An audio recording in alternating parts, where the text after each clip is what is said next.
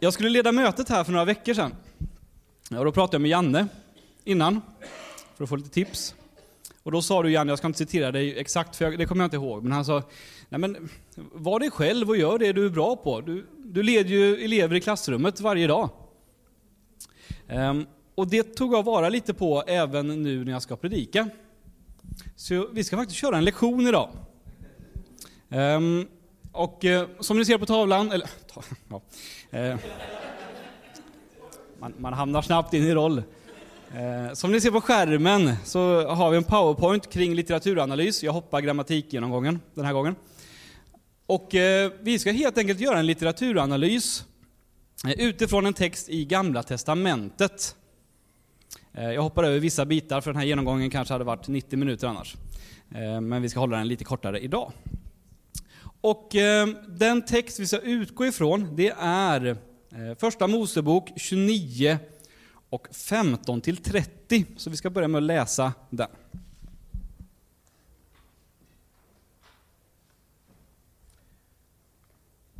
Och det här är alltså eh, berättelsen om när Jakob, Isaks son, kommer till sin morbror Laban för att eh, arbetarna har flytt från sin bror Esau. Och vi kommer in när, Ehm, när han pratar med Laban, då, sin morbror. Eh, vi läser från vers 15. Eh, kapitel 29, vers 15. Laban sade till Jakob, du är ju min släkting, ska du arbeta åt mig för ingenting? Säg mig vad du vill ha i lön. Laban hade två döttrar. Den äldre hette Lia och den yngre Rakel. Lias ögon var matta, men Rakel var välväxt och vacker att se på. Och Jakob älskade Rakel. Därför sade han, jag vill arbeta åt dig i sju år för Rakel, din yngre dotter. Laban svarade, det är bättre att jag ger henne till dig än till någon annan. Stanna kvar hos mig. Så arbetade Jakob i sju år för Rakel. Men för honom var det bara som några dagar eftersom han älskade henne. När tiden hade gått sade Jakob till Laban, ge mig min hustru, för nu är tiden inne. Låt mig gå in till henne. Då samlade Laban allt folket på orten och ordnade en fest. Men när kvällen kom tog han sin dotter Lia och förde henne till honom. Och han gick in till henne. Och Laban gav sin slavinna eh, Silpa till tjänsteflicka och sin dotter Lia. På morgonen fick Jakob se att det var Lia. Då sade han till Laban, vad har du gjort mot mig? Var det inte för Rakel jag arbetade hos dig? Varför har du bedragit mig? Laban svarade, här på orten brukar man inte ge bort den yngre för den äldre. Fullfölj nu Lias bröllopsvecka. Sedan ska vi ge dig den andra också, mot att du arbetar åt mig i sju år till.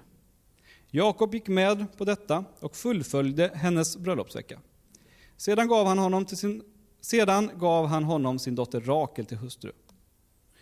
Och Laban gav sin slavinna Bila till tjänsteflicka åt sin dotter Rakel. Så gick Jakob in till Rakel också, och han älskade Rakel mer än Lia. Sedan arbetade han hos honom i sju år till. Yes, och eh, vi kan ta fram nästa bild här på skärmen. Um, hade det här då varit en lektion så hade jag gått igenom vad man ska tänka på när man ska analysera en sån här text. Och för det första så plockar man ut huvudperson eller biperson huvudroll eller biroll.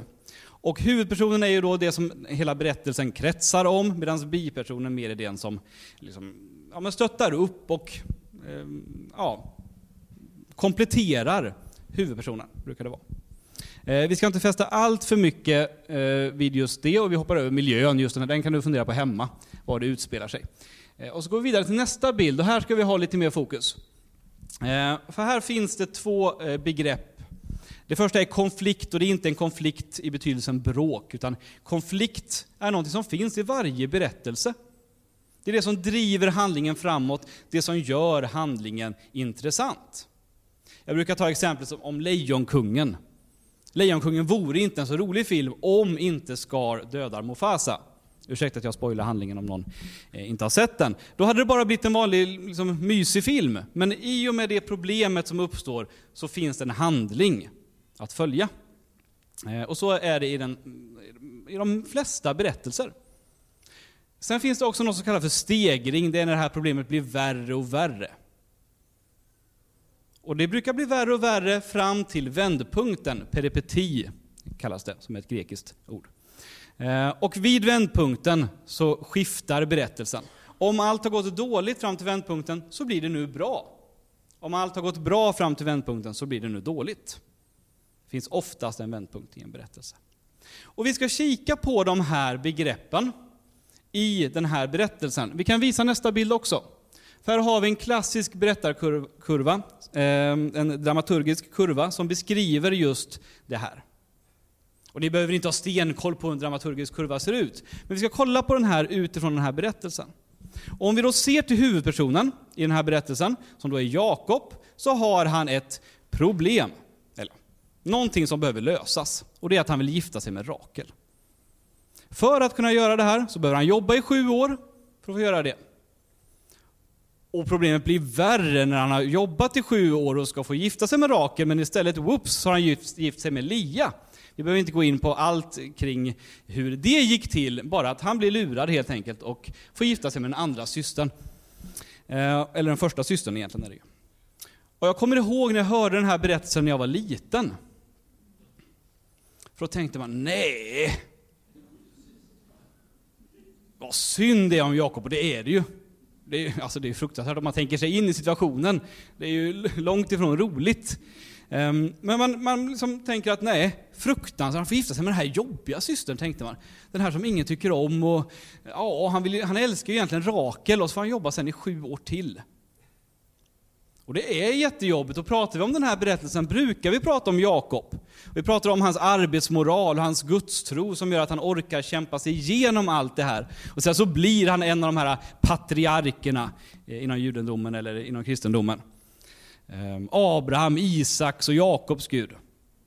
Och han var en fantastisk människa. Som absolut förtjänar att liksom pratas om. Han gjorde mycket fanta många fantastiska saker. Men jag tänkte inte prata om Jakob idag. För jag fick en tanke när Emelie predikade för två veckor sedan. Då pratade hon om Hagar, som blev utskickad i öknen och Gud såg henne. Och då funderade jag på vilka andra bikaraktärer finns det i Bibeln som får väldigt stor betydelse. Och min nominering till bästa biroll idag går till Lia, eh, den äldsta systern. Den äldsta av Labans döttrar. Vi ska kika lite på hennes utveckling enligt den här eh, berättarkurvan. Och då börjar man med något som kallas för anslag, exposition kan man kalla det också, inledning där karaktären presenteras. Och det första vi får reda på om Lia, ehm, det är, ja det står i eh, kapitel 29, vers 17. Lias ögon var matta. Det är kanske inget man säger om någon som man verkligen tycker har strålande, vackra ögon. Eh, är man kär i någon så pratar man ofta om hur man tittar personen djupt i ögonen. Så jag tittar på Alexander för jag är lite kär i honom på ett eh, mm, platoniskt sätt. Ehm, man säger inte åh vilka matta ögon du har. Och man, ser, man brukar säga att ögonen är själens spegel. Eh, I Gamla Testamentet står det vid flera tillfällen om stoltheten i ögonen, någonting positivt. Jesus säger i Matteus 6 och 22, tror jag. Eh, att om ditt öga är sjukt ligger hela din kropp i mörker. Den här första beskrivningen av Lia är inte jättepositiv. Och sen står det direkt efteråt, Rakel var välväxt och vacker att se på. Ja, det är inte svårt att gissa att Rakel var favoriten för många. Tittar man på vad Lia betyder, så betyder det just matt på hebreiska. På arabiska betyder det ko. Um, och det kan även enligt, om man kollar på fotnötterna, ja det heter fotnötter i min värld. Um, I Bibeln så står det att det kan även betyda eh, mild eller svag. Det här är alltså ett namn som hon får vid sin födsel. Ett namn med ganska dålig betydelse. Inte jätteuppmuntrande. Och vara matt, eller bli kallad ko, eller svag eller mild. Ja, man kan gissa att det här är en flicka som kanske har lite mindervärdeskomplex mot sin syster. Där redan föräldrarna kanske inte tyckte att hon var den absoluta höjdaren. Och det står att det var Rakel som Jakob älskade. Så här har vi ett problem. Vi har en konflikt i den här berättelsen kopplad till Lia. Att hon är nog inte så omtyckt och älskad. Jag skulle gissa att det är en tjej med ganska dåligt självförtroende. Det är bara min gissning utifrån vad jag läser. Och när det här problemet stegras, det är ju när hon då blir bort bortgift med Jakob. Och usch och synd vad jobbigt det var för Jakob. Men tänker in i Lias situation.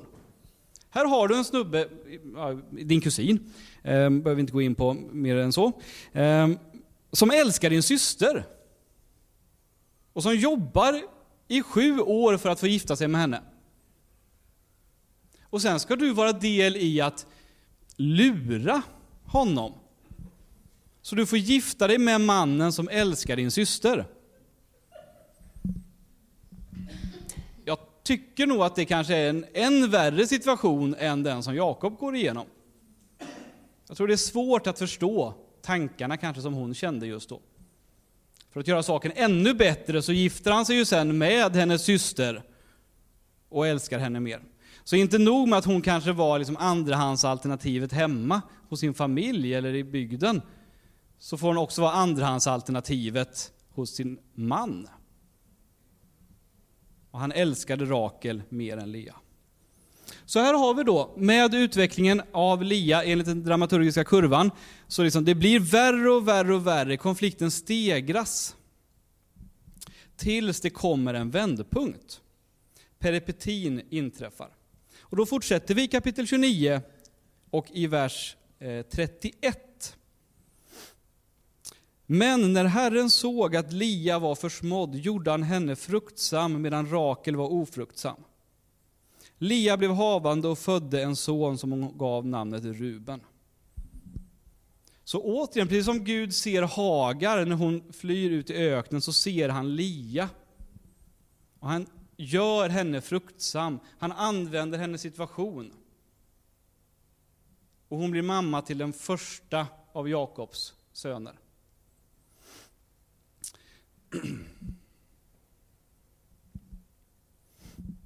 Eh, Ruben betyder Herren har sett mitt lidande.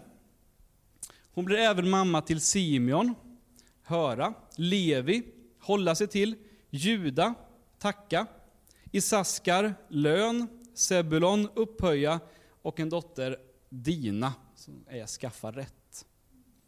Så hon får totalt sju barn, varav sex barn är liksom början på Israels tolv stammar. Så hälften av Israels tolv stammar härstammar från Lia. Så från att ha varit den här äh, kanske oönskade flickan som ingen ville ha, så använde Gud henne till att vara en mamma till en stor del av Herrens folk. Och det tycker jag är en ganska mäktig vändpunkt. Ganska kraftig. Jag har en favoritvändpunkt i alla berättelser som är från ja, Sagan om ringen. Jag ska inte dra den, men det handlar om att Gandalf kommer in och räddar liksom allihop där i Sagan om de två tornen. Vi pratar gärna vidare om det en annan gång. Eh, hade det varit lektion hade jag visat ett filmklipp på det och försökt få alla elever intresserade av den här berättelsen. Men jag tycker att den här berättelsen, den är inte så långt efteråt. Eller efter i den här jämförelsen. För att Gud ser Lia. Eh, han ser hennes lidande, han hör henne, eh, hon håller sig till honom ehm, och är tacksam för det han ger henne. Eh, han ger henne lön för arbetet, för hennes lidande, och han upphöjer henne och ger henne rätt. Just det som de här namnen betyder på barnen som hon föder.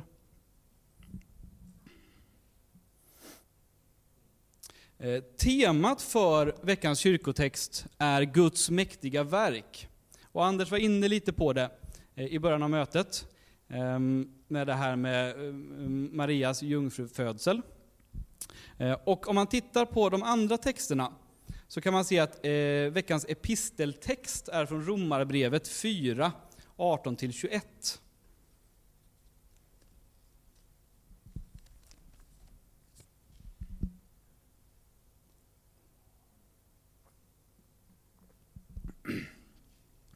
Och där eh, tog jag upp fel ställe, skriver Paulus.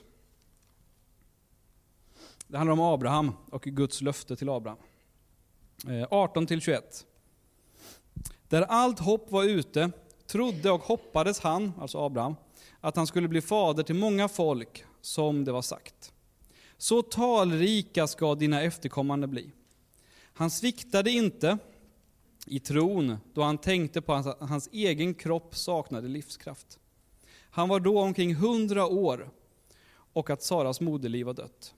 Han tvivlade inte i otro på Guds löfte utan blev istället starkare i tron och gav Gud äran. Han var övertygad om att vad Gud hade lovat, det var han också mäktig att hålla.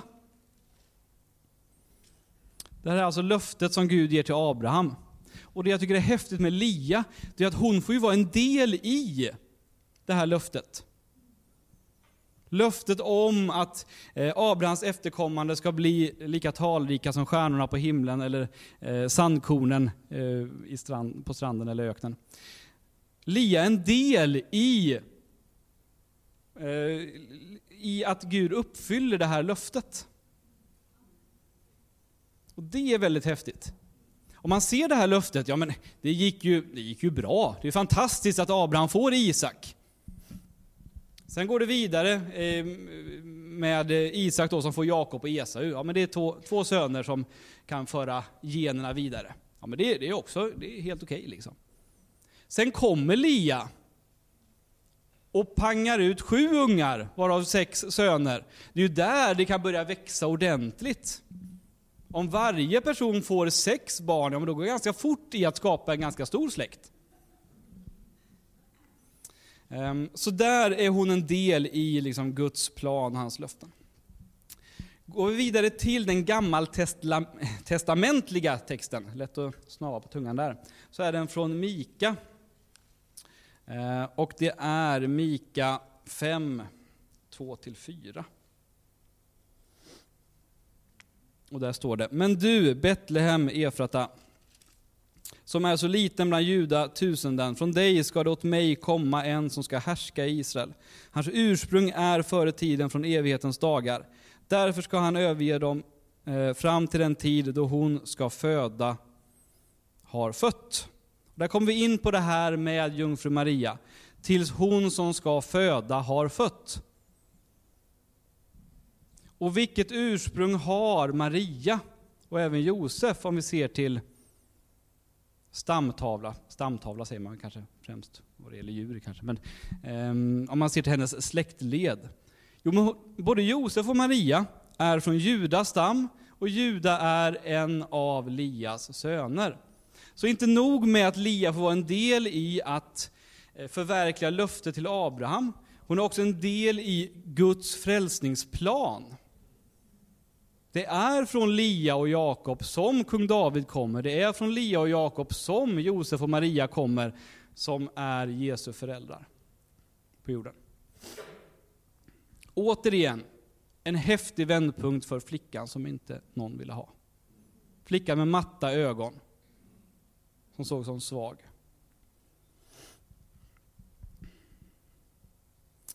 Jag tycker det är ganska uppmuntrande jag tror att vi alla kan känna oss ganska nere ibland. Jag tror att vi alla kan känna oss oälskade och oönskade ibland. Vi kan gå igenom saker i livet som känns helt hopplösa. Saker där vi inte vet hur vi ska ta oss ur.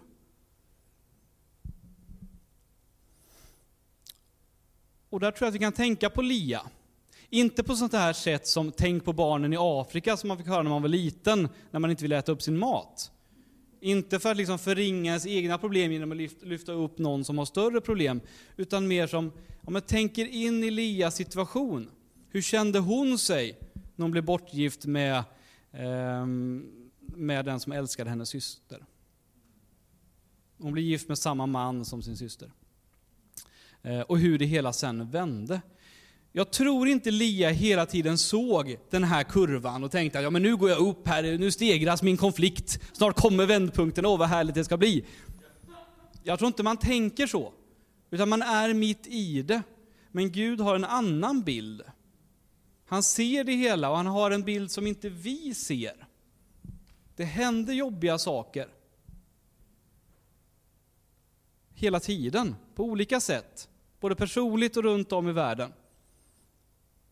Och jag tror inte det var meningen att det skulle ske. Jag tror inte att Gud planerar att dåliga saker ska ske. Men jag tror att han erbjuder en väg ur problemen. Där, vi kan, där han kan använda problemen för att skapa en ny situation.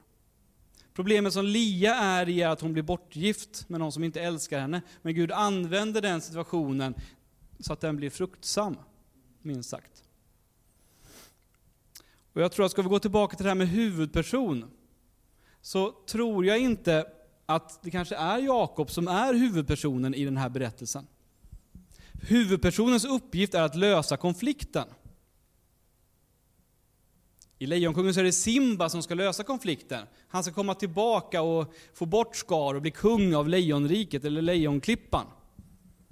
Det är huvudpersonens uppgift att lösa konflikten.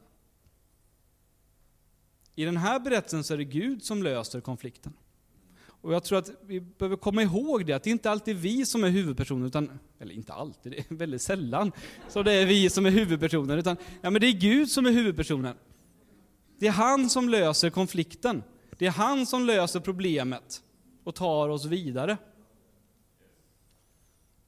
Sen finns vi med, och vi är redskap som Gud använder. Men jag tror att vi ger oss själva för stor betydelse om vi utger oss själva till huvudperson hela tiden. Så det var det jag hade idag. Att, men bara det att vi står här och pratar om Lia tre, tre och ett halvt tusen år senare någonting. Av den här flickan som kanske inte var så önskvärd. Men det tycker jag är uppmuntrande. Så, så känns det tufft, känns det som att man är någonstans i livet där man inte ser den här vändpunkten riktigt, så nej, men det kommer. Man får försöka vila i att Gud ändå har en plan. Man kan få vara del i någonting. Elia fick betyda väldigt mycket, och har fått betyda väldigt mycket för väldigt många människor, utan att kanske alltid få den uppmärksamheten. Det är inte den här mest självklara personen vi plockar ut ur Bibeln när vi ska prata om eh, stora gudsmänniskor. Ehm, ja, så jag tänker att vi stoppar där. Och ta med er det, ha med Lia i, i minnet och i tanken. Ja, men precis, läxa till nästa vecka. Då läser vi alltså första Mosebok, nej. Um, vi hoppar läxan idag, eh, tycker jag. Ja. Alla jublar. Den går alltid hem. Ja. Tack så mycket. Jag tar och stannar där.